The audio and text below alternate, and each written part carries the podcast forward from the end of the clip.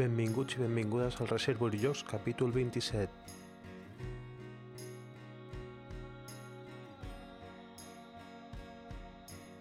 Si ja anàvem de corcoll amb totes aquestes mogudes de les conferències prèvies a Dau Barcelona a les biblioteques, eh, tot això que ha muntat l'Oriol Comas, ara resulta que l'altre Oriol també està fent altres històries, l'Oriol Ripoll, eh, al Born Centre Cultural i nosaltres doncs, eh, no ens havíem fet gaire ressò, però, però per lo interessant que és, penso que val molt la pena també tenir-ho com a episodis especials del Reservoir Jocs. Es tracta d'un cicle de col·loquis que fa amb un convidat i contraposa una mica el tema de, de l'especialitat del convidat amb, amb el joc, no? I es fa allà al Born Centre Cultural el cicle aquest de, de col·loquis es diu La vida és joc. Hem agafat el segon. Eh, primer tenim una entrevista amb l'Oriol Ripoll que parla una mica de, de tot això, de, del triquet, bueno, de les coses que estan passant allà al Born Centre, Centre Cultural, que us, us recomano que aneu i, i doneu com, un cop d'ull a, a tot el que s'està fent al voltant del lloc i després també parla de la Fira de Tona. No hem arribat a temps per, eh, per fer una mica de fusió prèvia a la Fira de Tona. Hem arribat ja a toro passat per circumstàncies d'horaris laborals i mil coses més. Ho sento, però eh, bé, espero que si escolteu aquest àudio i si no heu anat a, aquest any 2013 a la Fira de Tona, que almenys serveixi perquè us entri el coquet d'anar a la propera perquè val molt la pena.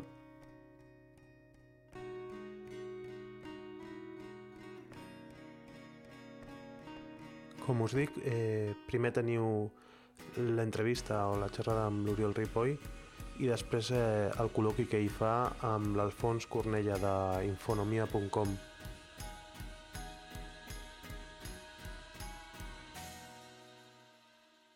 Estic amb, amb l'Oriol Ripoll, que hem vingut aquí al Born Centre Cultural perquè s'estan fent unes conferències eh, molt interessants que es diu La vida és joc, que després explicarà ell, i bueno, el coneixereu per, perquè l'heu escoltat a la ràdio, últimament a rac també escriu cada dissabte a La Vanguardia i bueno, té una empresa que es diu Jocs al Segon amb la que treballa i bueno, està fent cosetes i també per la Fira de Tona que parlarem al final de l'entrevista. Eh, primer de tot volem preguntar què és aquesta moguda que s'està formant aquí eh, al Born Centre Cultural al voltant del, dels jocs amb la societat del segle XVIII. Era una societat que bàsicament feia moltes coses, però bàsicament jugava. Era una gent que jugava moltíssim, que jugava tot i que tenia uns espais concrets per jugar. I es deien triquets. Eren uns llocs on la gent venia i podia jugar jocs de cartes, jocs de daus, jocs d'habilitat. Eh? Per tant, si volem explicar en aquest bon centre cultural, en aquest espai on el que fa és una fotografia de com vivia la Barcelona del segle XVIII, volem explicar la vida quotidiana d'aquestes persones, no podem deixar de banda el joc per tant, l'Albert García Espuche, que és la persona, l'ànima d'aquest centre cultural, que és l'historiador que porta 30 anys estudiant com vivia aquesta Barcelona del segle XVIII, i al moment que em va fer l'encàrrec, Oriol, hem de fer jocs. I a partir d'aquí, carta blanca, què podem fer? després de donar-li moltes voltes vam decidir que el que podíem fer sobretot era buscar diverses coses. La primera és explicar amb mirada infantil, el joc sempre moltes vegades l'associem al món infantil, no? Doncs a mirada infantil la vida d'aquestes persones d'aquí passant pels carrers sabent qui vivia, sabent que el Joan Quies vivia aquí, sabent que el Josep Salle vivia allà, sabent que el triquet del Corralés era aquest, a què devien jugar aquestes persones? I d'aquesta manera entendre doncs això, doncs, a partir de la, de la manera de jugar, coses que devien fer a la seva vida. La segona cosa que volem fer, hem, hem, hem preparat tota una sèrie d'activitats adreçades per públic adolescent cap amunt. I hem agafat i hem creat dues històries de ficció plens d'enigmes, de jocs de misteri, de, de desencriptar coses, de llegir i de, sobretot, resseguir la història. Utilitzar el joc com a recurs per aprendre què va passar a la període de 1700 a 1714. La tercera cosa, i estem adreçant-nos al públic universitari, d'aquí universitari cap amunt. I és un triquet, és un club de joc. És un club de joc que el que sobretot el que ens interessa és que descobreixin quin era el joc que jugaven al segle XVIII, segle XVI, segle XVII, segle XVIII, segle XIX, si s'escau, és la fotografia de coses que es podien haver jugat a Barcelona en aquella època, però en qualsevol lloc del món. I que les reunions del club siguin una cosa habitual, que la gent pugui venir, que cada mes descobreixi un joc diferent i a partir d'aquí pugui jugar el que vulgui. I l'última cosa és el que farem aquesta tarda, que és fer una conferència, on el que fem és portem, seria més aviat un col·loqui que una conferència, eh? portem un especialista en un tema i li demanem que ens expliqui les tres claus, l'essència del seu tema. Quin és? I a partir d'aquí mirarem el joc. També ha fet el mateix? Avui, per exemple, parlarem d'innovació. S'ha innovat amb joc? Tots tu i jo sabem que sí. Tothom sap que sí, però s'ha seguit els mateixos patrons que segueixen quan parlem d'innovació? Això és el que descobrirem ara. També va, vau tenir també un altre, un altre col·loqui d'aquests que va ser l'inaugural, jo me'l vaig perdre. Eh, pots explicar sobre què anava? Perquè també és bastant curiós, no? Sí, anava sobre cartografia. La cartografia, com es fa un mapa? No sé si ens ho hem plantejat mai, no? Com es fa un mapa, per què es fa un mapa i per què es van fer atles? Eren les tres claus que la persona que ens va venir a parlar, el Jordi Estruga, ens va desvetllar. En aquest cas, l'excusa va ser un mapa que es va fer a Catalunya a començaments del segle XVII i era un encàrrec que es va fer en un gravador holandès perquè aquest gravador holandès vam resseguir la història i a partir d'aquí vam veure que el joc també ha seguit la mateix tipus d'estratègia que va seguir en aquest cas, la manera de com es fa un mapa. En aquest cas, la manera com es va compilar aquest mapa en un atlas. En aquest cas, la manera com es feia tot un procés diferent fins a arribar a tenir una fotografia concreta que és un mapa en un moment determinat. Eh, el proper ponent després del d'avui, que és l'Alfons Cornella, eh, qui serà? Plàcid García Planes.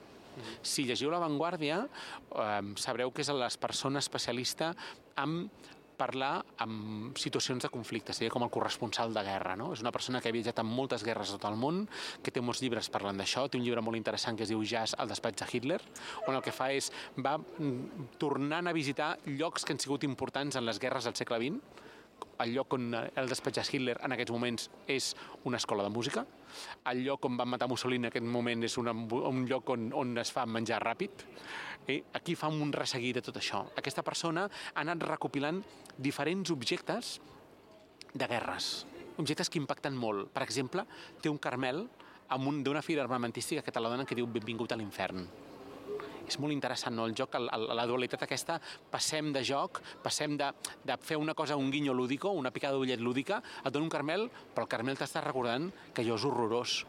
O una clau, una clau, una clau d'obrir una porta de casa, que va trobar a la porta d'una població que havia sigut deshabitada. Mil anys d'història, d'un poble que havia hagut de marxar perquè els van executar, van haver de marxar tots allà per poder salvar-se una guerra, resumeixen, aquella família ho va resumir tot amb una clau, la clau que havia perdut. No? De cada un d'aquests objectes ell ens explicarà històries, anècdotes de coses que ha descobert i aquí ve el repte personal. Al darrere, al costat, és d'acord. De cada història intentarem saber si el joc també té alguna cosa a veure o no. Com ha sigut el joc en situacions de conflicte. Per exemple, eh, una de les coses de què parlarem seran dels estels. No ho desvetllaré ara, però sabies que a Barcelona, al segle XVIII, es va prohibir fer volar estels? Això ens uneix amb Kabul, no? Això, no, això ens uneix a una de les primeres fotografies de que els talibans no estaven a Kabul és que es tornaven a fer volar estels. Això ja ho explicarem d'aquí la setmana vinent. Mm -hmm. Doncs eh, és com una mena de partit de tennis, no? Eh, eh, el convidat eh, explica el seu i després tu respons, no? Restes, no? Eh, parlant de tennis, eh, bueno, jo he vist, bueno, perquè he visitat ja el, el Born eh, Centre Cultural, eh, pots explicar una mica què eren els triquets per la gent que encara no s'ha apropat aquí i que ja està trigant a fer-ho? Un triquet era una casa de joc inicialment era això, era una casa de joc. Era un espai on el que es feia es regulava el joc perquè no fos un, una cosa molt problemàtica. Realment la història el que va arribar a passar és que la gent, en principi, com era una societat molt jugadora, jugava a tot arreu. Què acaba passant? Que hi havia moltes batusses, baralles, problemes. Solució, anem a crear un lloc on la gent pugui jugar i aquests jocs que es facin, es facin en un lloc determinat i ho tinguem controlat. Això es deien triquets. Què s'hi jugava allà? Mira, jugava el joc de l'argolla, el joc de l'argolla era una mena de croquet. El croquet, si ho, si recordes, és, és una mena de, com de, de golf on tu fas amb una massa, dones un cop una bola i la fas passar per una argolla. Eh? Doncs és, és aquest tipus de joc. Un altre són els jocs de pilota. Jocs de pilota, per entendre'ns, una mena de tennis eh? un tennis prehistòric. De fet, tenim la sort de que en el, un dels carrers de Jaciment és el carrer del joc de pilota. Eh? És un carrer estret, un carrer que a més a més s'hi jovia jugar a banda i banda. On, a més a més, havia persones que es dedicaven a cosir pilotes. Per tant, entre, entre els elements dels inventaris que s'han trobat es troba el banc per cosir pilotes, i per tant sabem que aquesta persona es dedicava a fer, era sabater i es dedicava a més a més a fer pilotes per jugar al joc del, per jugar als jocs de pilota. Um, què més hi jugava? Jugava cartes s'hi jugava moltíssim a cartes. De fet, a Barcelona havia un tipus de carta especial que era la carta cabal. La carta cabal és una carta que no és transparent. Les fàbriques de cartes barcelonines eren molt importants. A tots aquells que els agraden els jocs, jo els recomano que l'Albert García Espuche, l'especialista que us comentava abans, ha fet un llibre que es diu Jocs, triquets i jugadors, on fa un retrat de com era el joc en aquesta societat. És un llibre molt interessant perquè explica coses, anècdotes molt curioses. Una de les coses que es feien, per exemple, eren les grans batalles campals a pedrades però el que es feia eren universitats, estudis universitaris contra els de filosofia contra els de lletres a pedrades. Es trobaven i feien guerres de pedres. Jo sóc de Gavà i allà, allà fèiem Gavà Viladecans guerra de, de, de verdura. O sigui, sí, sí. Bueno, la història és així sempre. és el que més teníem, no?, per l'horta d'allà i ja està. Eh, la gent que vulgui participar en aquest club amb, amb el triquet, eh, el proper és el dimarts eh, 17 de desembre, a les eh, 7 i mitja de la tarda, aquí al Born Centre Cultural. Eh, quin serà el lloc eh, convidat d'aquell triquet? Ho pots dir? Serà un joc de cartes. Ah. Fins aquí, fins aquí puc llegir. Serà un joc de cartes. És a dir, el que farem en aquest cas, i sempre comencem de la mateixa manera. El joc convidat és convidat. Per tant, tothom el jugarà, però a més a més començarem explicant alguna cosa de la història d'aquest joc. El que ens interessa és que la persona que vingui al triquet s'acabi aficionant de dir vinc a jugar però a més a més m'expliquen alguna cosa. No? Explicarem d'on ve, d'on prové, històries, anècdotes, eh, les cartes on sortien, els colls eren els mateixos que tenim ara? les cartes hi ha històries, anècdotes darrere dels jocs de cartes. Això és el que explicarem aquest dia. El que volem en aquest, en aquest club, a més a més, és que hi hagi una fidelitat. No? I per això, quan les persones entren al club, el, el, el, quan, quan el primer dia que arribes o cada vegada que arribes, et donen 10 perletes, hm? que són els elements d'aposta. Quan acaba la sessió, contem quan té cadascú. I el millor de cada tres, és a dir, aquest desembre donarem premi, tindrà un premi. I el premi en aquest cas és, com juguem aquí a Can Moritz, serà un menjar.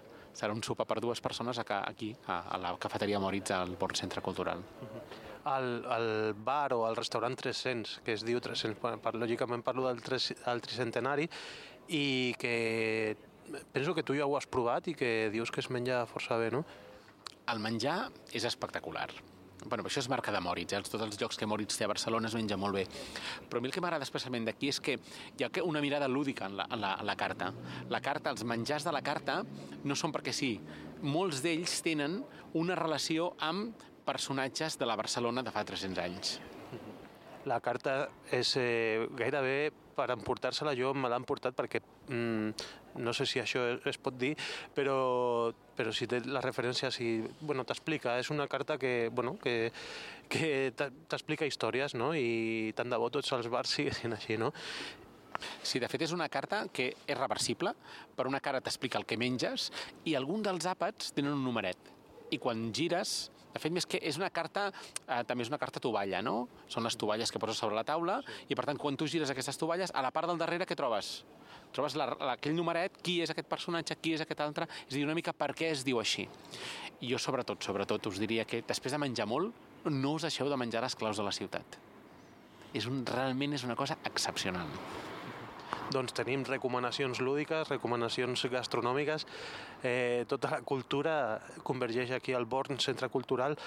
I hem dit, hem citat a la gent que vingui dimarts 17 al, al Triquet, però abans hi ha una cita ineludible en la que tu també ets part implicada, que ja porta 13 edicions, 12 més 1, es diu ràpid, però són ja, no sé si són tots consecutius, els 13 anys, sí? Eh, és la Fira de Joc Joc o la Fira del Joc de Tona. Eh, què trobem a la Fira del Joc de Tona i per què és recomanable que la gent vagi cap allà? Mira, una de les coses que m'agrada més de la Fira de Tona és la història que té. És a dir, nosaltres vam començar a una fira al costat d'una altra. Tona, des de fa molts anys, molts anys vol dir més de 20, més de 25, fa una cosa que es diu la Fira de la Passeta. Uh, fa molts anys, amb un dia de fred, perquè torna l'hivern fa fred, al desembre fa fred al carrer, van, com és festa major, van decidir la gent del poble que crearien jocs amb materials de rebuig. I, per tant, van començar a treure jocs fets amb coses andròmines que tenien per casa. Un joc amb una tassa de vàter, un joc amb un, amb un matalàs, un joc amb... I es diu la Fira de la Passeta perquè per jugar a cada cosa necessitaves una passeta. Doncs va un moment que el regió del, de l'època ens va demanar, escolta, ens agradaria una fira al costat que tingués una visió una mica comercial. I en aquells moments vam començar una fira que la vam muntar en dos mesos, vam tenir, em sembla que 12 parades, i vam anar a buscar tota aquella gent que estava fent jocs a Catalunya i que feien jocs d'un tipus molt artesanal. Per tant, vam veure a l'inici de molta de gent que encara ara continua fent coses i aquella cosa tan artesanal potser ara és molt més mecànica, però que realment no ha perdut l'essència, no? Per altra banda, vam anar a buscar molta associació.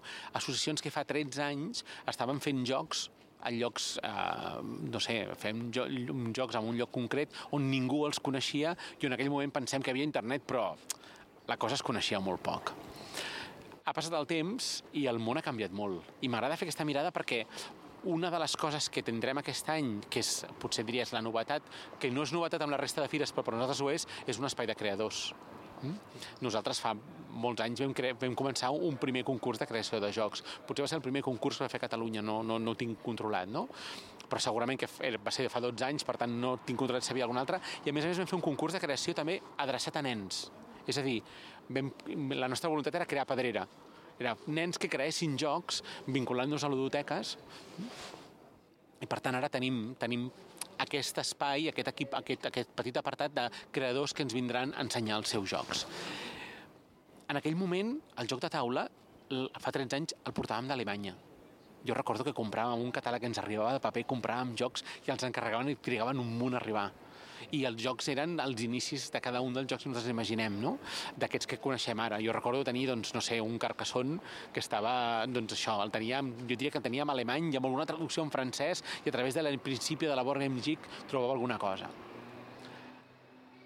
clar, de tot això ara la cosa ha canviat. Ara tenim moltes editorials, tenim editorials catalanes, tenim editorials de tot l'estat, tenim editorials que ens, ens porten jocs.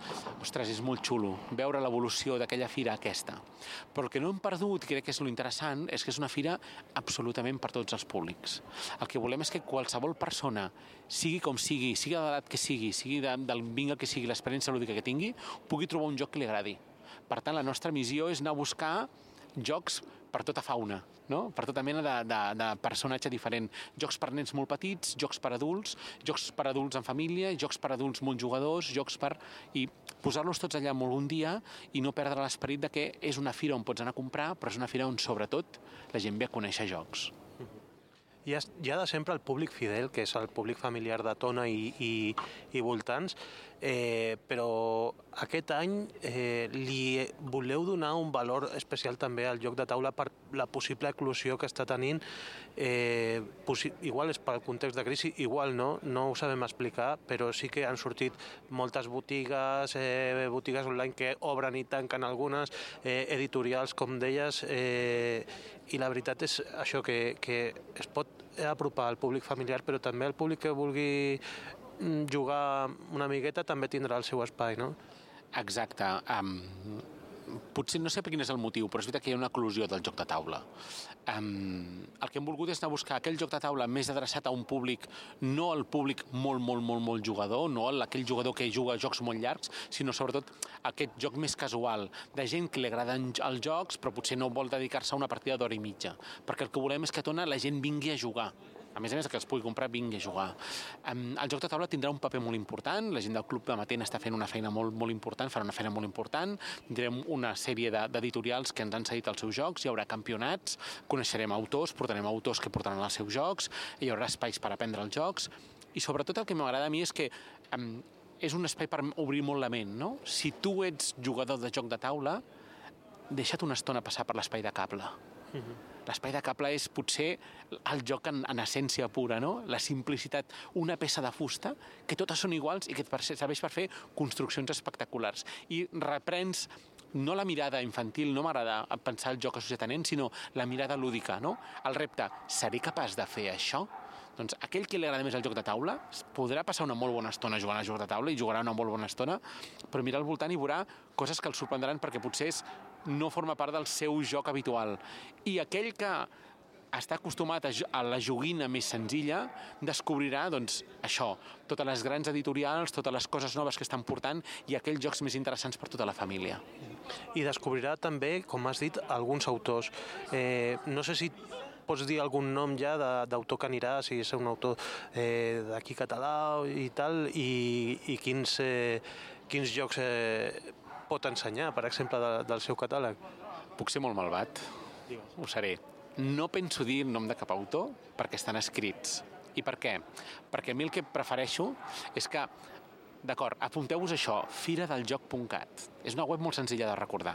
Quan estigueu davant d'un ordinador, si ara esteu escoltant el podcast on sigui, aneu caminant pel carrer, aneu al metro, aneu un transport públic, o esteu comprant, jo els escolto com vaig a comprar al súper, um, arribeu a casa, busqueu perquè el que m'agradarà és que, ah, d'acord, jo vindrà aquest, vindrà aquest altre, vindrà aquest altre, aquest altre no el conec, però sobretot per arribar a la zona d'autors hauràs d'haver passat a mirar tota la resta i veuràs com que hi ha en aquests moments 50 espais de jocs diferents, 50 tipologies de jocs i descobriràs coses que potser no és d'un autor reconegut, però també és una bona, un repte, és un bon joc dins el joc, no? Dius, ah, mirant el, el, només el programa descobriré que hi ha coses que no conec, coses que puc conèixer. Puc fer clic, puc descobrir, puc, tenir, puc agafar ganes de pujar a tona i veure el que hi ha. Doncs eh, busqueu, busqueu i, i res, eh, també, bueno, no sé si hi ha, algunes, eh, hi ha alguna, alguns concursos per Twitter o per tenir com una mena de moneda que és canviable per, per jocs i tal. Una de les coses habituals de Tona és que intentem allò implicar al màxim de gent possible, sobretot perquè el pressupost és molt limitat. Llavors, on no arriba els diners, intenta arribar a la imaginació. Um, una de les coses que hem fet és a tots els escolars d'Osona, perquè és una bona porta d'entrada, els, hem, els hem enviat un full volander on si amb aquest full aprenen a fer una catapulta, i allà podran fer un, un concurs de llançar la seva papereta amb la catapulta que s'han fabricat i qui l'encerta entrarà en un sorteig de diners però no són diners reals, són diners per comprar jocs, són jocs-jocs però això també ho faran totes les persones que passin la, per la fira aquell dia. És a dir, qualsevol persona que passi pot fer-se la seva catapulta i pot participar en aquest concurs. Però, a més a més, hem intentat això, mm, fer una mica de bullir l'olla durant aquests dies i hem fet un, un concurs molt simple que es diu 50 euros per 10 retuits. Es tracta de fer un tuit des del teu compte de Twitter on diguis, escolta, el dia de desembre hi ha una fira de jocs a Tona i ja poses a fer, si poses l'enllaç estarà molt bé. I has de tenir com a mínim 10 seguidors perquè la gent no es fabriqui comptes ràpidament. Eh? Si aconsegueixes 10 retuits, entres en un sorteig a aquests 50 joc-jocs. Això que són? Farem un sorteig en un moment determinat, està posada les bases, aquí moment, farem el sorteig i donarem 50 bitllets jocs-jocs que podran ser bescanviables en qualsevol de les parades de tona. Per tant, són 50 euros per comprar jocs. Mm -hmm doncs igual algú surt amb un regal de, de Nadal no? per, per les seves famílies, perquè també suposo que l'objectiu de Tona per estar en aquestes dates és això, no? que el públic descobreixi coses noves per regalar, no? també. Clar, un objectiu és, és a dir, un objectiu ocult que ara no serà ocult perquè l'explicarem, és donar a conèixer la cultura lúdica i el més àmplia possible. Hi ha un objectiu ocult que no serà ocult ara perquè l'explicaré, que serà ajudar a dinamitzar totes aquelles entitats, associacions, petites botigues que estan començant potser o que ja estan consolidades però que volen donar a conèixer, eh, volen continuar a difondre. Hi ha un objectiu ocult que és que totes aquelles persones que estan fent jocs de, des de categories diferents, des d'aquella persona que fa un joc per... L'any passat va una gent que feia jocs per, per treballar joc amb nens. Em sembla molt interessant. O aquella persona que fa un joc de construcció que se l'ha inventat i que... O la persona de l'Anna Tarragona del Nan Casteller, que a partir d'una iniciativa on el que feien era recuperar en fusta d'un tipus d'arbre determinat, implic, tenir una implicació social, han creat un objecte que serveix per fer jocs de construcció vinculats amb el món dels castells. Això per una banda, però després hi ha un altre objectiu, és que la gent que vingui passi un dia jugant, descobreixi jocs nous i sí, per què no, porti el maleter buit i baixi amb el maleter ple. Perquè al final també el que els interessa a cada una de les parades que hi participa és que pugui vendre els seus jocs. Per això una de les coses que tenim a Tona és que et diria, no, no el 100%, però el 90% de les parades que hi ha a Tona fan activitat. Perquè qui millor per vendre un joc quin millor per explicar un joc que aquell que l'està venent? No? Si jo t'estic venent un joc, estic transmetent una passió determinada i que tu acabaràs dient, ostres, el vull, me l'emporto. I és el que moltes vegades passa, no? Quan tu veus que aquella persona que ha fabricat el joc, que se l'ha creat, o aquella persona que el comercialitza, que el coneix molt bé, que està fart d'explicar-lo, te l'explica, dius, t'agafen moltes ganes de aquest és el joc de la meva vida. Doncs eh, no direm noms de botigues perquè coneixem unes quantes i sí que són uns seductors i direm que la gent es deixi seduir. I, Oriol, jo només em queda dir-te que et deixo ja que vagis a, a la conferència, al col·loqui aquest que, te, que tindràs amb l'Alfons i que res, esperem que sigui molt interessant. Gràcies per explicar tot una mica aquí a Barcelona, aquí Tona, el que, el que té la gent per, per apropar-se una mica més al lloc. Gràcies a tu, gràcies a la gent que ens ha escoltat, perquè ha tingut la paciència de seguir aquests dos temes tan diferents i ja posats a fer, apuntem aquestes coses, eh? és a dir, 1 de desembre, Fira del Joc.cat, no explicaran res, mireu el programa i mireu què fa Patxoca i deixeu-vos seduir per tot allò que no coneixeu. 3 de desembre, eh, què passa amb la vida quotidiana en situació de conflicte. I després, 17 de desembre, al Triquet dels Jocs. Veniu a participar d'aquest club, perquè realment jo crec que és un bon moment on persones diferents, el que ens interessa sobretot és que hi ha persones com molt diferents, de categories molt diferents, de mirades molt diferents, es troben aquí per jugar una estona. No, I que potser és l'excusa per descobrir també el Born, centre cultural que porta poc temps obert i, i realment bueno, és, és molt guapo fa fred, tot s'ha de dir, en el, en, en el que és el carrer central, però després eh, lo, del, lo del triquet ho feu dintre d'una sala ja amb, amb calefacció i tal, no? Clar, fa fred perquè no deixa de ser un espai de pas. És a dir, el Born Centre Cultural és un centre cultural, però és un carrer. És un carrer que connecta allò que es va desconnectar que seria el que és la Ciutadella ara, el que era la sortida de la ciutat, amb el Bornet, el capseig del Born, no? aquest passeig del Born que era la plaça central de Barcelona. Clar, tot això a aquests moments con continua connectat, la persona que pot que ve als Born pot entrar i veure tot el jaciment sense pagar. Després hi ha dues exposicions que si no les has vist, crec que no t'ha donat temps, valen molt la pena. Una que ens explica com és la vida quotidiana a la Barcelona del 18 i l'altra que ens explica què, era el, què va passar durant l'època del setge. No? Per aquells que li agrada més l'èpica, és una exposició molt èpica.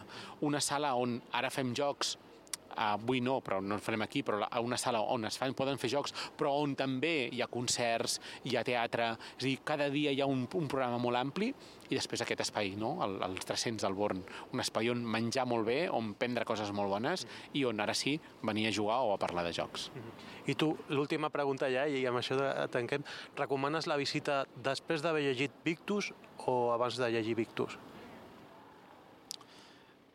Victus, només Victus. Uh, jo crec que Victus és una gran novel·la, però no ens explica la Barcelona de 1700. Mm? Um, és una gran novel·la, és una novel·la que jo m'he passat pipa llegint-la. És una novel·la que parla de l'èpica. Jo diria que si algú vol venir al Born Centre Cultural, jo li recomanaria un llibre que no és novel·la, que es diu Barcelona 1700, l'Albert García Espuche, on descobreixes coses increïbles. O, o també potser molt interessant un que es diu, eh, si no recordo mal, no recordo mal, Lliures o Morts. Eh, és una novel·la um, on sí que explica més la societat barcelonina o la societat catalana de l'època. Victus és un gran llibre, però centra en l'èpica, amb, la, amb, amb el moment històric del de, setge. Aquestes altres dues, dues, dues novel·les, la novel·la o l'altre llibre, ens explica més una mirada transversal, una mirada més què és el que hi ha aquí, que interessant el rec comtal, no? un espai on, on, on baixava l'aigua, on, on baixava l'aigua fins als molins que havia al costat del mar, aquells molins moltes vegades el que feien era taponaven i, i acabava realment podrint-se tota la ciutat fent una pudor horrorosa perquè pel rec comtal baixava aigua però baixava totes les coses que ens podem imaginar que podien baixar per aquest rec. Eh? Fins i tot havia un carrer que, el carrer de Merdansà. Imagina't com, com, com devia ser. Doncs eh, complementeu amb aquestes recomanacions eh, eh, literàries eh, que ens ha fet l'Oriol Ripoll, la visita al Bord Centre Cultural i apropeu-vos aquí a jugar i després també a la Fira Joc Joc de Tona. Gràcies, Oriol, i ens veiem moltes gràcies, ens veurem un dia o altre. Eh? A Tona tu m'has dit que no vindràs, però la resta no passem llista, però quasi. Gràcies, Oriol. Gràcies.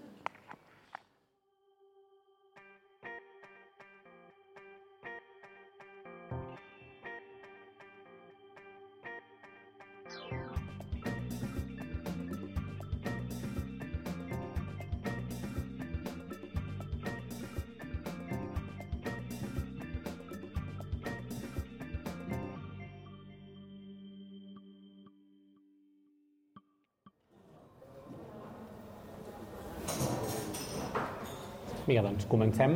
Bona tarda. Uh, soc l'Oriol Ripoll, el responsable del programa de jocs d'aquí del Born Centre Cultural i aquest cicle, que es diu La vida i joc, el que, el que fa és um, el que fa és intentar fer mirades diferents a coneixements diferents de la vida quotidiana, per entendre'ns, i veure quin paral·lelisme té això amb el que ha fet el joc al llarg de la història. Avui ens centrarem en parlarem d'innovació. I m'agrada molt començar aquí perquè Steven Johnson té un llibre que es diu Les bones idees on explica un fet que em sembla molt interessant i és la importància dels cafès als llocs on la gent es seia. A prendre alguna cosa que no fos alcohòlica ho remarca com un fet molt important, que no fos alcohòlica, perquè persones de coneixements diferents expliquessin cadascú la seva visió del món des del seu coneixement, des de la seva àrea del saber. I això va suposar una revolució a partir doncs, del segle XVII, perquè era trobades de persones que anaven compartint idees, anaven compartint maneres de fer i compartint mirades. Doncs aquí hi ha begut alcohòlica, per tant podeu prendre amb moderació, eh? però és un bon lloc on poder parlar d'innovació. I per poder parlar d'innovació, avui tenim l'Alfons Cornella. Mm? Alfons Cornella, persona reconeguda eh, internacionalment, però pels qui no el coneixeu, ell és el fundador i president d'Infonomia, mm? que és una empresa dedicada a detectar exemples d'innovació. Aquesta mirada de detectar exemples d'innovació em sembla molt interessant. Detectar aquests exemples, dinamitzar i transformar les organitzacions gràcies a tots aquests aprenentatges que van fent. Ell transmet les seves idees i experiències a través de conferències i de llibres i de molts projectes diferents en els que estan treballant, eh, desenvolupant aquesta innovació a les organitzacions. Li he demanat a l'Alfons que ens doni tres claus, que ens expliqui tres claus de la innovació, les tres mirades, allò de dir, tres elements que dius, quan sortim d'aquí, nosaltres, d'una manera o altra, podem acabar incorporant la nostra manera de fer. I de cada una d'aquestes mirades, Després, a cada una d'elles, jo donaré la meva explicació de què ha passat si el joc ha fet alguna cosa semblant al llarg de la història. Doncs, Alfons... Hauràs de passar, tu fas de... Sí. Molt bé. Doncs quan, eh, quan eh, l'Oriol m'ha demanat això, de, de seguida se'm van acudir tres, tres coses que, que fas normalment en un procés d'innovació. De fet, quan, quan tu mires els, els models que hi ha al món, que n'hi ha uns quants, eh, acostumen tots a, a coincidir amb aquestes tres peces, no? amb aquests tres elements. El primer d'ells és eh, l'element exploració, que el que vol dir és que avui en dia és, és molt difícil innovar si no eh, tens, estàs atent al que hi ha al teu voltant. No?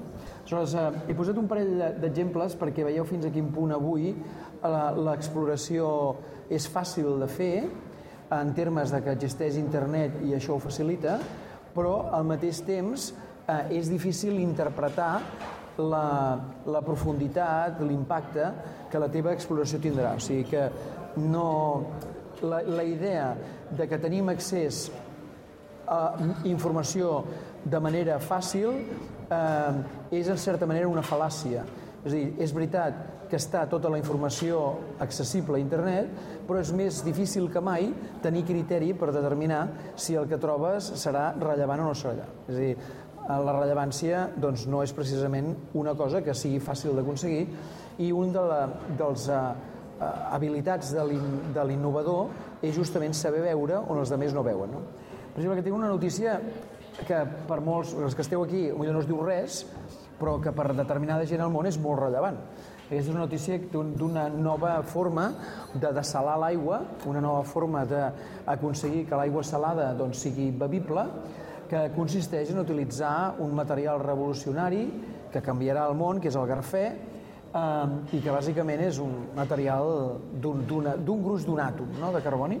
Clar, això doncs, està bé veure-ho, per les cares que veig tampoc us mostreu molt entusiasmats, però si algú eh, està treballant en aquest tema en concret, aquesta és una notícia extraordinàriament rellevant.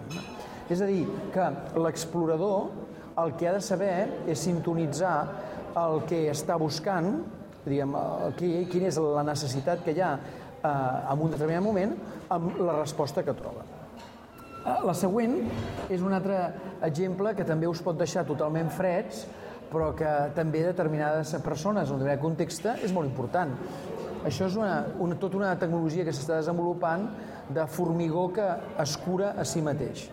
Literalment el que vol dir és que quan es produeixen esquerdes al formigó eh, és un procés químic eh, en què el sol, la radiació solar, activa una reacció que fa que s'ompli el buit general per l'esquerda.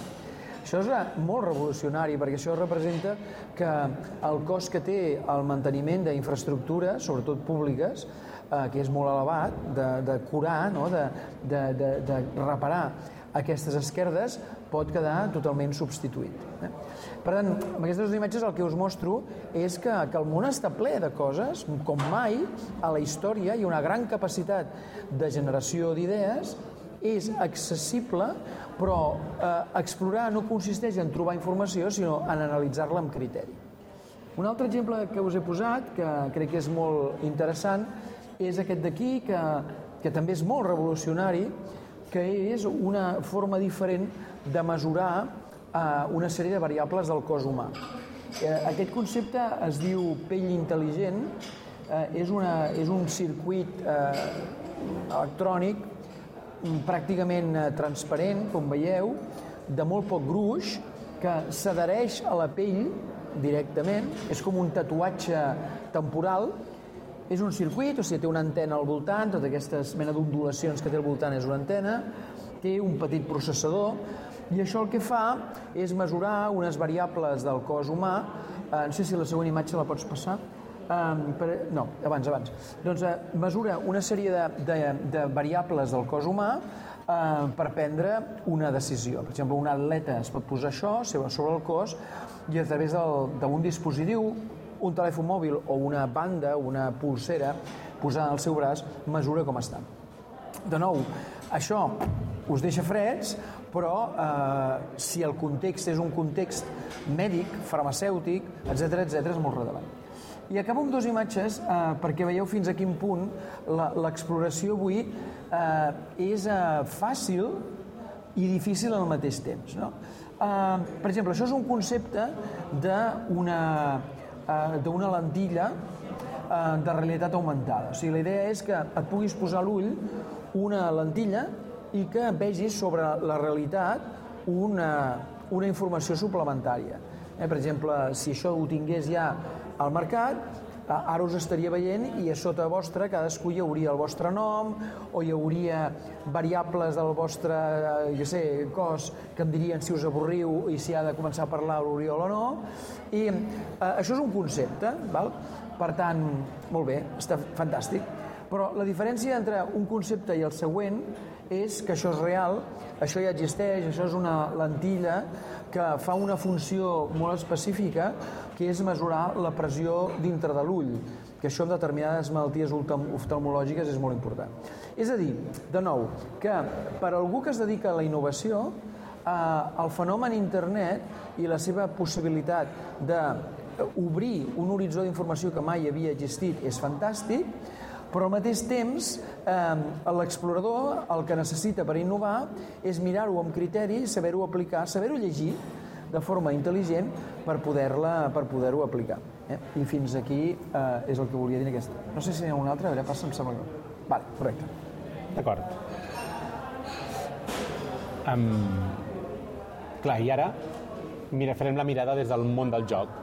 De quina manera... No funciona, em sembla. No sé si funciona, crec, bé? aquest, crec que sí, se sent? Se sent bé? Vale. Doncs de quina manera el món del joc també ha utilitzat al llarg de la història aquesta mirada explorativa, què és el que passa arreu del món, quina informació és la que hi ha i com només en certs moments les persones que sabien el que buscaven o van ser capaces de casar informacions importants van generar una revolució innovadora. Per fer això tirarem una mica cap enrere. Ara, després de parlar d'aquestes lentilles amb realitat augmentada, tirar l'any 632 eh, sembla un salt molt gros, però veureu com el fenomen és exactament el mateix. A l'any 632, eh, l'imperi musulmà havia començat a escampar-se per diferents llocs diferents de la península aràbiga. En aquell moment arriba a, arriba a, a, a trobar-se amb un joc que es diu Xatranc. Amb aquest joc l'incorpora a la seva manera de fer. És aquest joc que tenim aquí al darrere. I per què? Aquest joc persa era un joc important, era un joc que els agradava a, a, als àrabs en aquell moment, als musulmans en aquell moment, perquè tenia un element interessant. Era un combat entre dos exèrcits sense sang, però que a més a més qui guanyava era el que era més intel·ligent. Per tant, era un joc que s'hi acabava més o menys dient ah, anem a desenvolupar la nostra intel·ligència en un joc que està bé, però per altra banda no, um, no realment no combatrem realment. I a més a més s'haurem un davant de l'altre amb un tauler i això és un fenomen interessant. Estem combatent però tenim un element entremig que ens uneix. Aquest joc s'arrela eh, en aquest imperi musulmà i comença a estendre's ràpidament per diferents llocs on eh, tenien relacions comercials. Fem una mica de salt en el temps. Ens anem més o menys a l'any 820, sabent que aproximadament a l'any 820 aquest joc arriba a Còrdoba. I arriba a Còrdoba d'una manera molt interessant. Tenim un personatge que es diu Ziriab, que viu a Bagdad. Mm? Ziriab no era d'una casta nobiliària, però era molt bon músic. I era una persona que havia tingut uns estudis eh, per, realment per la seva valua, per la seva capacitat. I per tant era una persona que, malgrat ser un pària, estava molt en contacte amb la cort. Un dia va destacar de manera molt important amb la seva música davant del califa. Així que el, el seu mentor li va dir, mira, la frase tal com la citen és l'enveja és una cosa terrible. I en aquests moments tinc enveja perquè has fet una cosa molt ben feta davant del califa. Jo ara podria matar-te, però farem una cosa. Et demano que marxis el més lluny que puguis. Et pagaré perquè marxis i no tornis. Tu i tota la teva família. Així que aquest senyor, el Ziriab, agafa tota la família, agafa la seva música, agafa tot el que ell sabia i se'n va a Còrdoba. Arriba a Còrdoba amb música i amb aquest joc que ha anat evolucionant i cada vegada més s'assembla a una cosa que nosaltres coneixem, que són els escacs. La mecànica ha anat evolucionant i cada una de les persones que ha anat trobant s'han anat afegint com petites variacions en el joc per anar-lo millorant. Però aquesta fotografia encara no ens interessa del tot. Per l'època, aquest joc dels escacs molt conegut en països de cultura musulmana, arriba a Europa i comença a escampar-se per tota Europa. Comença a escapar-se de moltes maneres i cadascú li va donant la seva mirada diferent. Alguns dels elements que apareixien en el joc canvien. Elefants els farem fora. Els elefants els canviarem i serà un altre personatge. I aquest personatge que està al costat del rei, que seria com l'assessor del rei, el canviarem i serà la reina però és una reina que encara no és la reina que nosaltres coneixem dels escacs. És, un, és una reina que es mou molt a poc a poc, que el moviment és només una casella i que, per tant, eh, encara s'assembla massa a aquest joc d'aquí al darrere, el joc original, i que, a més a més, era molt lent. Era tan lent que moltes vegades per resoldre una partida es feia una tirada de daus però el temps continua evolucionant. Hi ha moltíssimes variacions per tota Europa i ara ja ens anem directament al segle XV. En el segle XV les normes de tota Europa més o menys estan fixades. Hi ha elements en comú i aquesta reina ja és important, els personatges ja comencen a tenir una forma més o menys definida i a València en aquell moment sí, a València va haver unes persones que van ser capaces d'agafar tota aquesta informació que es movia per Europa i transformar radicalment la mecànica del joc. I no ho van fer mirant el joc, ho van fer mirant en fora. Aquesta exploració no va ser directament sobre què més podem fer al joc, sinó en van veure que en aquells moments tenien una reina que era molt important, que era Isabel I de Castella. Era una reina importantíssima. Era una reina tan important que potser inconscientment, potser no, li van, la van traspassar aquesta importància a la mecànica del joc. Per tant, aquesta reina que no tots nosaltres coneixem, que és una reina important, que es mou moltíssim, s'incorpora a la mecànica com a juga als escacs. Però fins aquí s'hauria quedat potser amb una evolució més. Aquests personatges el que fan és escriuen un poema. Eh? Escriuen un poema que es diu Escacs d'amor, on primer s'explica, la primera vegada s'explica com a jugar aquest nou joc dels escacs on hi ha una reina que és molt poderosa. Poc temps després escriuen un tractat amb exemples. Aquest tractat encara és valencià, no l'hem vist, només hem sentit que ja eh, s'explica que s'havia fet perquè s'ha perdut totalment, i poc després s'ajunta tota aquesta transformació del joc amb un tercer element, és, són les persones, dius, en aquests moments volem comunicar que ens hem inventat un nou joc, una manera de jugar, i Luis Ramírez de Lucena, l'any 1495, escriu aquest Repetición de Mores i arte de l'ajedrez, amb un centenar d'exemples diferents d'exercicis per aprendre a jugar escacs. Aquest joc, aquest joc, aquest llibre, sí que s'escampa gràcies a, a un altre invent que és la impremta per tota Europa i la transformació aquesta que ha anat seguint a poc a poc al llarg de la història és tan radical que la mecànica, si fa no fa, que es va fer al segle XV, és la mateixa que nosaltres coneixem nosaltres ara. Enllaçant amb amb el que deia l'Alfons, d'innovacions va haver moltíssimes i molt petites va ser el moment en què unes persones van mirar al seu voltant, van incorporar, van transferir coneixements d'una altra manera de fer i van incorporar, van transferir la utilització d'una altra eina que era l'impremta o van revolucionar un joc i el van escampar per tot el món. Aquesta és la primer exemple de com és veritat que el joc també és important l'exploració. Molt bé. Doncs, de fet, eh, això a la nostra pràctica diària ho fem servir molt, eh, és dir, és justament eh, cada vegada més l'exploració en espais diferents del, del, del, del que estàs en concret el que et donen claus. No? Si has de resoldre un problema mèdic, doncs planteja-ho a gent que no té res a veure amb la medicina. No? Planteja una, has de resoldre un problema mecànic, planteja-ho algú que està en el món de l'alimentació. La, és cada vegada més freqüent i estimulant el explorar de maneres més radicals i més distants. La segona cosa que és eh, important en el, en el procés d'innovació és un cop es fet aquest mapa del món, no has vist el que hi ha, mobilitzar persones, dinamitzar persones que puguin elaborar sobre això. O sigui, dinamitzar un equip de persones que puguin eh, construir. Um, I són dues coses que estan molt relacionades perquè és molt diferent el resultat quan tu poses un conjunt de persones eh, sense, sense cap alimentació prèvia, si els poses allà a veure què, què, què els hi surt, és molt diferent de quan els poses eh, amb una alimentació, és a dir, que els hi has ensenyat el resultat d'una exploració. Això us he posat algunes imatges de, de com el resultat és cada vegada eh, eh, o sigui, requereix cada vegada més eines, eh, instruments.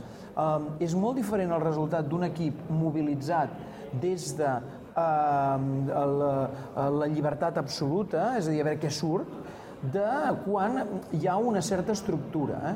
Sigui, podria semblar una paradoxa o podria semblar contradictori que l'estructura eh, genera eh, creativitat, però és una de les coses que hem après al llarg de les últimes dècades en el discurs de la innovació de les últimes dècades, el que es veu és que el problema no és la creativitat en la innovació, poses un conjunt de persones a un lloc i surten coses, sinó que el problema és la disciplina. És a dir, com eh, fas que s'estructuri un resultat a través d'un instrument. Per exemple, aquestes persones que estan aquí, això era un acte que, que vam fer amb l'Oriol i utilitzant un joc que, que, que, que vam desenvolupar junts, que es diu Copoker, que és un joc que, que està pensat per barrejar les uh, capacitats de cadascuna de les persones de la taula. L'objectiu primer és destilar què saben fer, eh, és a dir, què, què són capaços, quines són les seves habilitats, i després barrejar-los, per exemple, per resoldre problemes.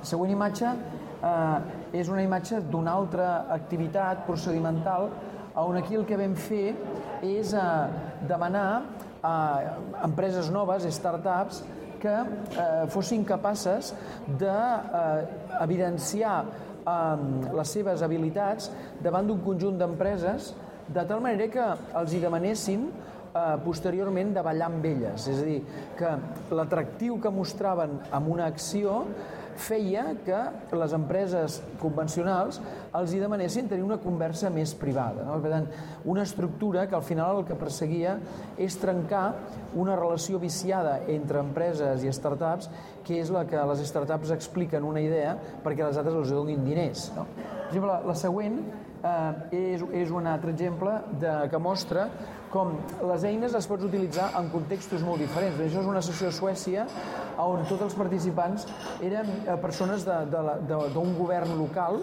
eren persones d'un ajuntament que buscaven noves formes de treure partit dels eh, actius de la ciutat, és a dir, del que la ciutat tenia. Per tant, és, in, és independent de països, és independent de contextos eh, i el resultat, la productivitat que aconsegueixes en innovació a través de gent mobilitzada des d'instruments és molt superior. Crec que he posat uh, algun altre exemple, això és amb gent de, de, de molts països uh, que es reunien a Barcelona l'estiu passat i la següent és uh, un exemple, uh, això és a Perú, i és un, un altre cas en el que això són persones de diferents divisions d'una gran empresa que exploraven si, eh, en comptes d'estar doncs, molt separats, no, amb el que es diuen silos o sitges, doncs podien haver eh, relacions transversals entre ells. No? I això, que hi ha la voluntat de fer-ho, l'innovador sempre té una voluntat de que surtin resultats, però moltes vegades l'impediment, com dic, és que si algú no estructura la connexió, si les sitges, perquè connectin entre elles, algú ha de fer un forat i ha de posar una canonada que les connecti. Per tant, els instruments són molt, molt importants. I crec que n'hi ha... El... Ja està. O sigui, per tant, el, el missatge seria en el nostre model, la segona part molt important és eh, que persones estimulades amb el que hem vist al món treballin de forma sistemàtica en equip per arribar a una conclusió. I el joc? El joc també ho ha fet, això? Ara se sent o no? És que jo, jo Baixo? Posa aquest, agafa aquest. Up. Crec que estan agafats. No, no es pot. Sí. Més cap a mi, a veure si... Així. Ah. Vale, m'apropo. És que no vull que es pategui. Um, el joc ho ha fet, això. Realment, aquesta mobilització de les persones s'ha portat a terme en el joc. Mireu, la primera imatge són bitlles. Mm? I comencem la nostra història l'any 1402. L'any 1402, eh, a Igualada, hi ha una normativa que diu que es prohibeix jugar a bitlles per un motiu molt lloable, per esquivar baralles que podrien esdevenir per raó del joc de birles, de les bitlles, eh, en la, eh, que es fan a la vila en llocs desats i amagats. Mm? Per tant, la fotografia que ens interessa és 1402, a Igualada, a jugar a bitlles. Per tant, ens podem imaginar que si en el joc dels escacs tenim una fotografia i aquesta fotografia ja la tenim feta i ha continuat al llarg de la història d'aquesta manera, què ha passat amb el joc de bitlles? Realment, des de 1400 fins a, 402 fins avui, què ha passat? Tenim aquestes bitlles de 6, sabem més o menys que les bitlles havien ser de 6 i que es tiraven aquests bitllots, que això sí que ho tenim a Catalunya d'alguna manera o altra. Els jocs de bitlles en aquella època estan documentats a molts llocs d'Europa. Cada un dels llocs jugava, tots sabem que jugaven a bitlles, però i la fotografia d'avui com ha evolucionat tot allò fins avui en dia. Mireu, això són bitlles de nou, són bitlles franceses. Mm? La cosa principal que m'interessa veure aquí és que el públic que hi juga només són homes. Per tant, aquí hem transformat la mecànica de joc on només juguen homes. I quan només juguen homes, hi ha un paper molt important d'un element que és l'aposta. Si l'aposta és important, la transformació de les normes, com tenim molt clar que el que volem és que els diners corrin ràpid, com anirà? Molt ràpida. Volem que els jocs siguin molt ràpids, que funcionin de manera molt ràpida. Per tant, jocs d'homes, jocs amb poques regles i jocs d'habilitat perquè el diner corri rapidíssimament. A diferència de el mateix joc, les bitlles, jo tiro un objecte per tombar alguna cosa, perdó, tiro aquest, i juguen dones. Torna a ser nou, però aquí les, jugadores, les jugadores són dones. Les dones estan a casa fent el dinar, tradicionalment. Això són villes de campo, això és a Osca. Estan tradicionalment fent el menjar, estan amb la família i en algun moment del dia baixen a jugar amb les veïnes a la porta de casa. Quan baixen a jugar, no porten els diners, no apostaran els diners, els diners els posa el marit. I això com transforma la mecànica de joc? Doncs si en el joc d'homes era ràpid, amb poques regles i de molta habilitat, en els jocs de dones són llargs i complexos. Per què? Perquè el que ens interessa és que no tant privar la punteria, sinó crear un tipus de jugades especials que requereixin d'una habilitat molt fina, però realment d'una combinació d'elements molt fi. Fins al punt que hi ha algunes tirades que arriben a tenir noms de persones que porten morts 50, 60, 70 anys. Vamos a hacer la tirada de la Juanita. La tirada de la Juanita vol dir que des d'un punt determinat de la plaça has de tombar aquella villa d'aquesta manera aconseguint que la bola però fixeu-vos, en aquest d'aquí, veieu aquest objecte que sembla com una, empella, una, una petita ampolla de mòrits posada al revés? Que és aquesta tombant la villa? Això és el bitllot. Mm? El bitllot és un objecte que es tira per tombar les bitlles i es tira per l'aire. I per què es tira per l'aire? Doncs perquè el terra on s'hi juguen les bitlles sol ser un terra poc pla. Aquí el veiem molt pla, però pots haver de jugar a qualsevol lloc, a qualsevol lloc. I per tant no et pots fiar que el terra faci que una bola vagi bé. En canvi, la imatge que teníem aquí de les dones jugant, fixeu-vos com tiren una bola. On juguen? Com és el terra que juguen? Han transformat la mecànica de joc mirant directament al lloc on volen adequar-se. Cada una de les persones que està participant fa petites modificacions al joc, però sempre centrades en una necessitat determinada. La mobilització té un paràmetre clar, és on estem jugant, qui estem jugant i quin és el paper de l'aposta, del moment de l'any, etc etc. Tiro enrere aquesta imatge que m'agrada moltíssim. Això també és un joc de, de bitlles. Això són bolos leoneses. Fixeu-vos la bola. Eh? Aquí no es veu la bitlla, això són boles. Són mitges boles.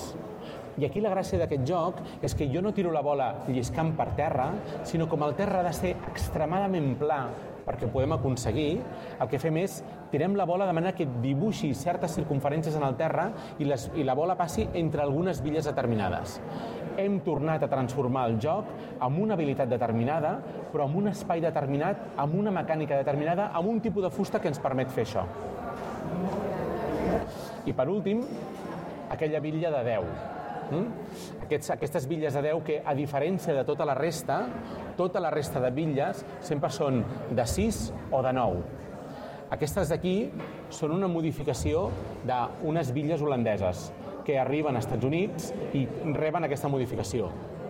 El que explicaré ara, estem a la frontera de la història i la llegenda, però com a, com a, com a aspecte del que volem explicar ens sembla un bon paràmetre. Quan arriben les bitlles holandeses als Estats Units, com la gent hi jugava molt, aquestes villes es prohibeixen. Ja hem vist abans, havia baralles, havia apostes, per tant això segurament no devia interessar d'alguna manera. I per tant, diu la llegenda, torno a avisar, eh? estic a la frontera, és llegenda, diu la llegenda que aquestes bitlles es van prohibir i la normativa deia que queda prohibit jugar bitlles de nou. I per transformar aquest joc que ens agrada tant, què fem? Afegim una desena bitlla i continuem jugant cadascuna de les persones que ha jugat, la transformació de cadascú molt orientat a la seva necessitat, en aquest cas és d'espai, de persones que juguen, de context, d'aposta, de moment de l'any, de, de normativa, ha fet una transformació del joc, una innovació del joc que ha perdurat en el temps. Segurament, si mirem aquestes bitlles d'aquí 100 anys, algunes d'aquelles hauran caigut, algunes altres s'hauran transformat i alguna mecànica s'haurà derivat en funció del territori, de les persones que juguin o d'un element molt important, de que el joc deixa de ser un pacte, perquè és una negociació, deixa de ser un joc i es converteix en un esport. Un esport on hi ha una normativa molt tancada, on tots els espais de joc són delimitats, sempre tots de la mateixa manera, i per tant això també serà una nova transformació que patiran molts d'aquests jocs. Tercera clau? Molt bé, i la tercera clau que, que fem servir molt habitualment és un cop hem explorat i, eh, i hem vist què està passant al món, eh, un cop hem dinamitzat un grup de persones eh, que treballi sistemàticament eh, per trobar alternatives, escenaris, idees, etc. La clau és com això ho lligues en un model. És a dir, si, si no aconsegueixes quallar-ho, doncs eh, queda molt dispers i és molt difícil actuar sobre aquella innovació. És, eh, aquí us he algunes imatges de, de com treballo moltes vegades. No? O sigui, això és una, és una imatge de, de, típica de, de, de les llibretes que utilitzo, que són unes llibretes així apaisades, eh, i que, que, que jo treballo molt d'una forma molt sintètica, molt, eh, molt, molt a partir de, de conceptes.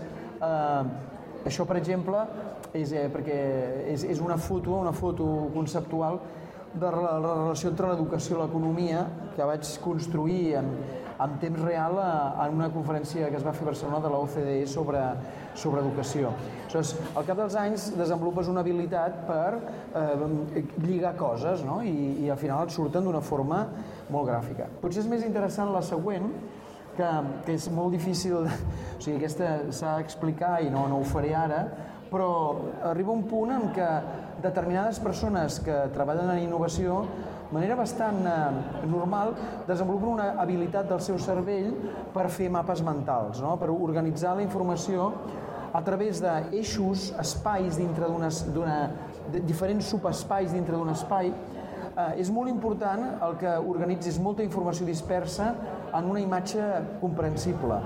Evidentment, això per vosaltres no és comprensible, però per mi ho és, no? i això és el que nosaltres hem fet durant anys, organitzat com amb onades de valor, no? que van des del que es fa de, de, de, del, del negoci per moltes empreses grans o de, de, de, de l'impacte que tenen individus. L'altra, per exemple, imatge, perquè veieu alguns exemples més, és una mica més complexa, que aquest és el procés d'un projecte en el que estem ara, és una mena de mapa de tots els elements que hem de tenir en compte per tirar endavant aquest projecte. Això, escrit en text, són 50 pàgines, és a dir, si això ho tradueixes en text, és molta informació, que en canvi eh, eh, sintetitzar-ho amb una imatge i si ets capaç, a més, de presentar-ho perquè algú entengui, eh, té encara més valor. És dir, eh, la, la síntesi final d'un procés d'innovació és fonamental per poder actuar.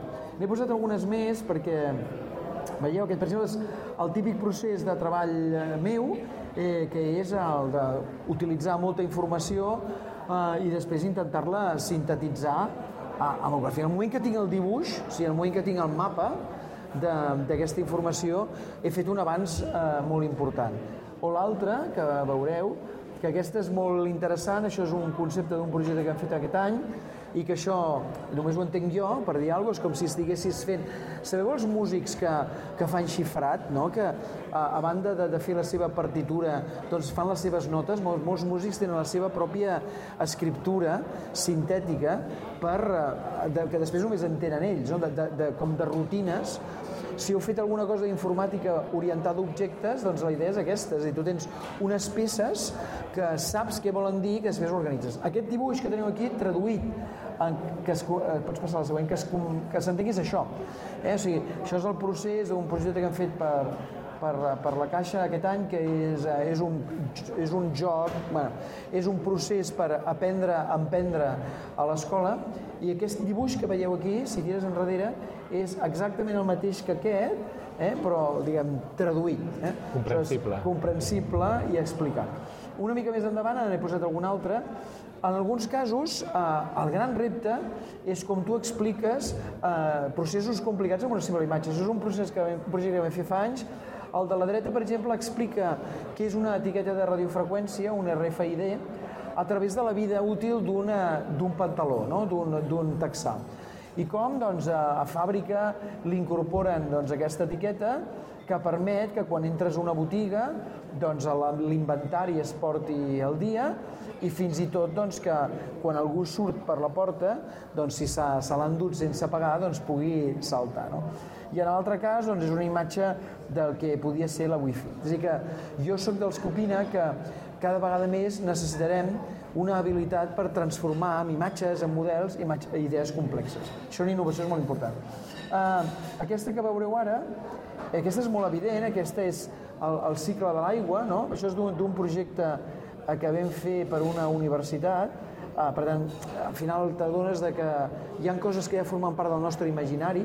En canvi, la següent és molt conceptual, és una d'un projecte que vam fer que buscava crear una sinergia entre universitat a través d'un portal conjunt i a, a, a, a mi em resulta molt fàcil entendre això, o sigui, la veritat és que funciona de manera molt, molt, molt, molt sintètica i en el procés d'innovació simplement una etapa de productivitat. O sigui, en comptes d'utilitzar 50 pàgines, utilitzes una imatge i això et dona molt, molt rendiment, eh? o sigui, et permet avançar Imagina el que és treballar amb 50 pàgines de cada cosa amb una sola imatge. La manera en què concatenes, que relaciones les coses és molt més àgil. Sembla que n'hi ha alguna més. Aquest és un típic escenari d'un projecte.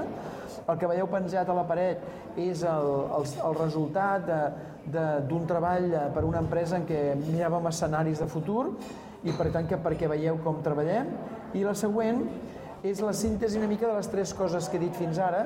Aquesta és una imatge, una metàfora del nostre procés de treball, no? que és gràcies a que explorem molt, i que dinamitzem un equip de treball, som capaços de transformar una organització quan trobem el model. No? Eh, i, I al final a vegades són mesos de feina que sintetitzen una imatge, en un simple dibuix. i pots eh, tirar cap, pots deixar-ho ja i eh, és bàsicament el que volia dir. Vale. Doncs tornem-hi. La tercera i última. A veure si ara... Um, aquest personatge és un etòleg. Uh, als anys 80 va escriure un llibre que es deia El gen egoista, ell es diu Richard Dawkins, i aquí defineix un concepte que és interessant, que és el concepte de mema, mm? que és la unitat de cultura, la unitat bàsica de cultura. Mem, mema, mm? sí? mem, bueno, podem dir mema, mem, d'acord, gràcies, Víctor. No li agrada que digui mem. Bueno, bueno, direm mem. Eh? De fet, originalment és mem perquè s'assembla a gent. És un, un, un joc de paraules d'una cosa a l'altra. D'acord. L'unitat bàsica de cultura. Aquell patró que farà que la cultura passi d'una persona a una altra. Quines són les essències de la cultura de, de cada un dels fenòmens culturals que nosaltres tenim. Quan nosaltres hem anat aquí al darrere a aprendre alguna cosa, amb aquestes menyes tan fantàstiques, hi ha, un, hi ha un patró, és jo demano alguna cosa i després he de pagar. O si no, com hem fet nosaltres, que hem sortit sense pagar. Eh? Hem de pagar alguna cosa i aquest és un patró que sabem que a qualsevol lloc on jo vagi anirà d'aquesta manera. Mm? És un patró bàsic de la cultura, en aquest cas la cultura d'anar a, a, a consumir alguna cosa en un local determinat. Doncs poc després comença a desenvolupar-se una mirada, una nova paraula que seria l'udem. Sí? Temem l'udem. I què seria l'udem? L'udem seria les unitats bàsiques que defineixen una mecànica de joc. I gràcies a aquestes unitats bàsiques jo puc acabar fent un patró, una sèrie de patró, una sèrie d'elements determinats que després ens servirà per generar models concrets. Anem a veure amb un exemple això. Aquest joc era el protagonista de l'altre dia a la reunió que vam fer aquí del Triquet i vam jugar a l'Alquerc. Eh? L'Alquerc és un joc explicat molt ràpidament. Són dos jugadors, un té les peces blanques, les de baix, l'altre té les peces negres, les damunt, i l'objectiu d'un jugador és conquerir les peces dels altres. Fins aquí és fàcil, aquest patró l'hem entès. Uh -huh. L'hem entès perquè, a més a més, s'assembla al joc de les dames. Mm? El joc de les dames diguem que veu directament d'aquesta mecànica de joc i la transporta cap a un altre tipus de tauler diferent. Anem a pel segon. El joc dels escacs. També suposo que sabeu jugar, perquè si no... Hm? El que tenim és un jugador davant de l'altre, com a l'Alquerc, com a les dames. L'objectiu aquí és diferent. Ja no es tracta de capturar totes les peces del contrari, sinó capturar una peça del contrari ja tenim un element diferent, un element d'innovació diferent. Hem canviat un, un element d'aquests del patró i hem generat un joc nou. Però no només això, sinó que introduïm un nou element més en aquest patró base, i és cada una de les peces es mou d'una manera diferenciada. A la que jo identifico aquells elements bàsics, jo puc modificar algun d'aquests i genero un joc nou. Anem a fer un salt endavant. He jugat algun cop a l'Estratego? Sí? No he jugat mai a l'Estratego, tu sí. Heu jugat a l'Estratego? No? Mireu, l'Estratego és un, jo, un jugador davant de l'altre, fins aquí com tota la resta dels jocs que hem fet. L'objectiu de l'Estratego és capturar la bandera de l'altre, per tant, anem a buscar una peça determinada. Aquesta unitat la tenim igual que els escacs, però introduïm dues petites diferències. Petites, però radicalment diferents als escacs. Una, les peces, tot i que es mouen igual, estan jerarquitzades. Jerarquitzades què vol dir? Vol dir que les peces de la jerarquia inferior no poden capturar les de la jerarquia superior. I el segon element que és molt important, introdueix una nova variant, un nou canvi, i és jo no veig quines són les teves peces. Per tant, he de deduir on deus tenir tu les teves peces gràcies a com mous les teves fitxes en el tauler. Fixeu-vos com la introducció de només una petita variable, el joc s'ha transformat radicalment. Això, que és tan simple, quan es crea la Board Game Geek, pels jugadors és com una gran comunitat de jugadors de jocs de taula sobretot, que cadascun d'ells, quan ha jugat alguna cosa, ho introdueix en aquesta, en aquesta gran base de dades a nivell mundial, en aquesta web, que és una gran base de dades a nivell mundial, s'introdueix un joc nou i s'etiqueta. S'etiqueta vol dir s'expliquen quines són aquests elements bàsics de cada un dels jocs. I això què et permet? Et permet fer el procés invers. Mm? Hi ha un moment que en arribem i diem, escolta, i si fem a l'inrevés?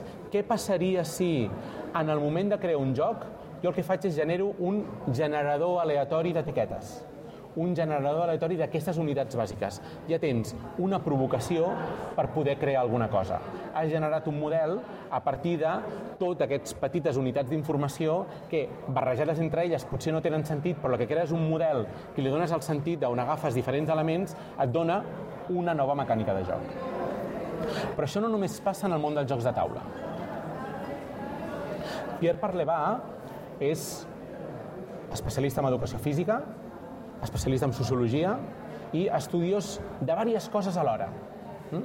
Per tant, aquesta persona, quan es mira què passa en el món de la pràctica motriu, ell és doctor en educació física, per tant, ell és formador, a més a més, és professor universitari en educació física, quan es mira què passa a la pràctica motriu, hi ha un element que porta a la motxilla, que és aquests estudis de sociologia. I li preocupava especialment què és el que passava quan estaven jugant, perquè dius, realment el que tinc jo ara, els estudis que hem fet, em quedo coix, em falta alguna cosa. Així que ell mira qualsevol pràctica de joc motriu, de joc en moviment, i el que fa és destria tres elements que poden explicar qualsevol joc.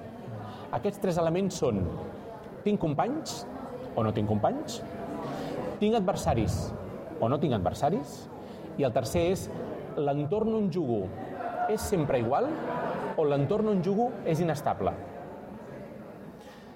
Posarem un exemple de cadascú perquè més les combinacions comencen a generar molts jocs diferents. Si jo jugo sol, no tinc companys, no tinc adversaris, i si jugo sol corrents pel bosc, l'espai és inestable.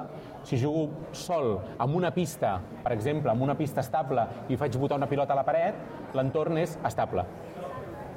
Però, per altra banda, l'altre extrem seria jo puc jugar en equip, tinc companys, contra uns altres, tinc adversaris, amb un entorn inestable. I això, aquest entorn inestable, per exemple, he de controlar, perquè estic en una barca, estic movent pel mar, he de controlar el moviment de les onades. Sí?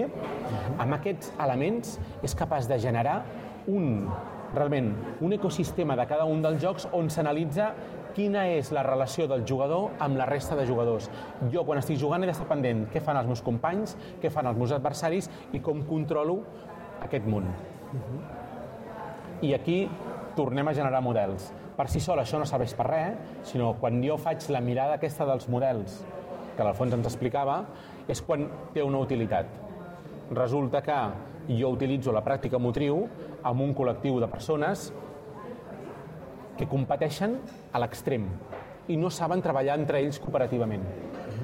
Per tant, agafant el model de Pierre Parlevà, i el que faig és, d'acord, amb vosaltres treballaré jocs on no hi hagi adversaris i sempre hi hagi companys. I per tant, et generarà una manera de treballar determinada aprofitant totes aquestes petites unitats d'informació. Cadascuna d'aquestes mirades eh, ens podia permetre anar buscant molts altres exemples al llarg de la història. Com aquí ja comencen a sopar i el so eh, comença a fer-se difícil, aturarem aquí, si voleu formular preguntes, fem preguntes, eh? i sobretot, quedar-nos amb una mica la idea aquesta, el resum de les, de les tres mirades aquestes. No? La primera, la importància a la innovació d'explorar, explorar des de molts punts de vista diferents a tot el que passa al món, però amb un criteri. La segona, no fer una innovació jo t'imposo una norma i la proves. La generació d'aquesta innovació ve de la mobilització de les persones que hi han d'estar al darrere de perquè això funcioni. I la tercera, fer una fotografia dels models, dels patrons que nosaltres podem establir per realment poder generar una transformació. I analitzant cadascun dels elements que composen aquest model, aquest patró, eh, poder generar un moviment de transformació. Mm? Molt bé. Doncs moltes gràcies. Preguntes, dubtes, consultes? Cerveses? Sí, exacte.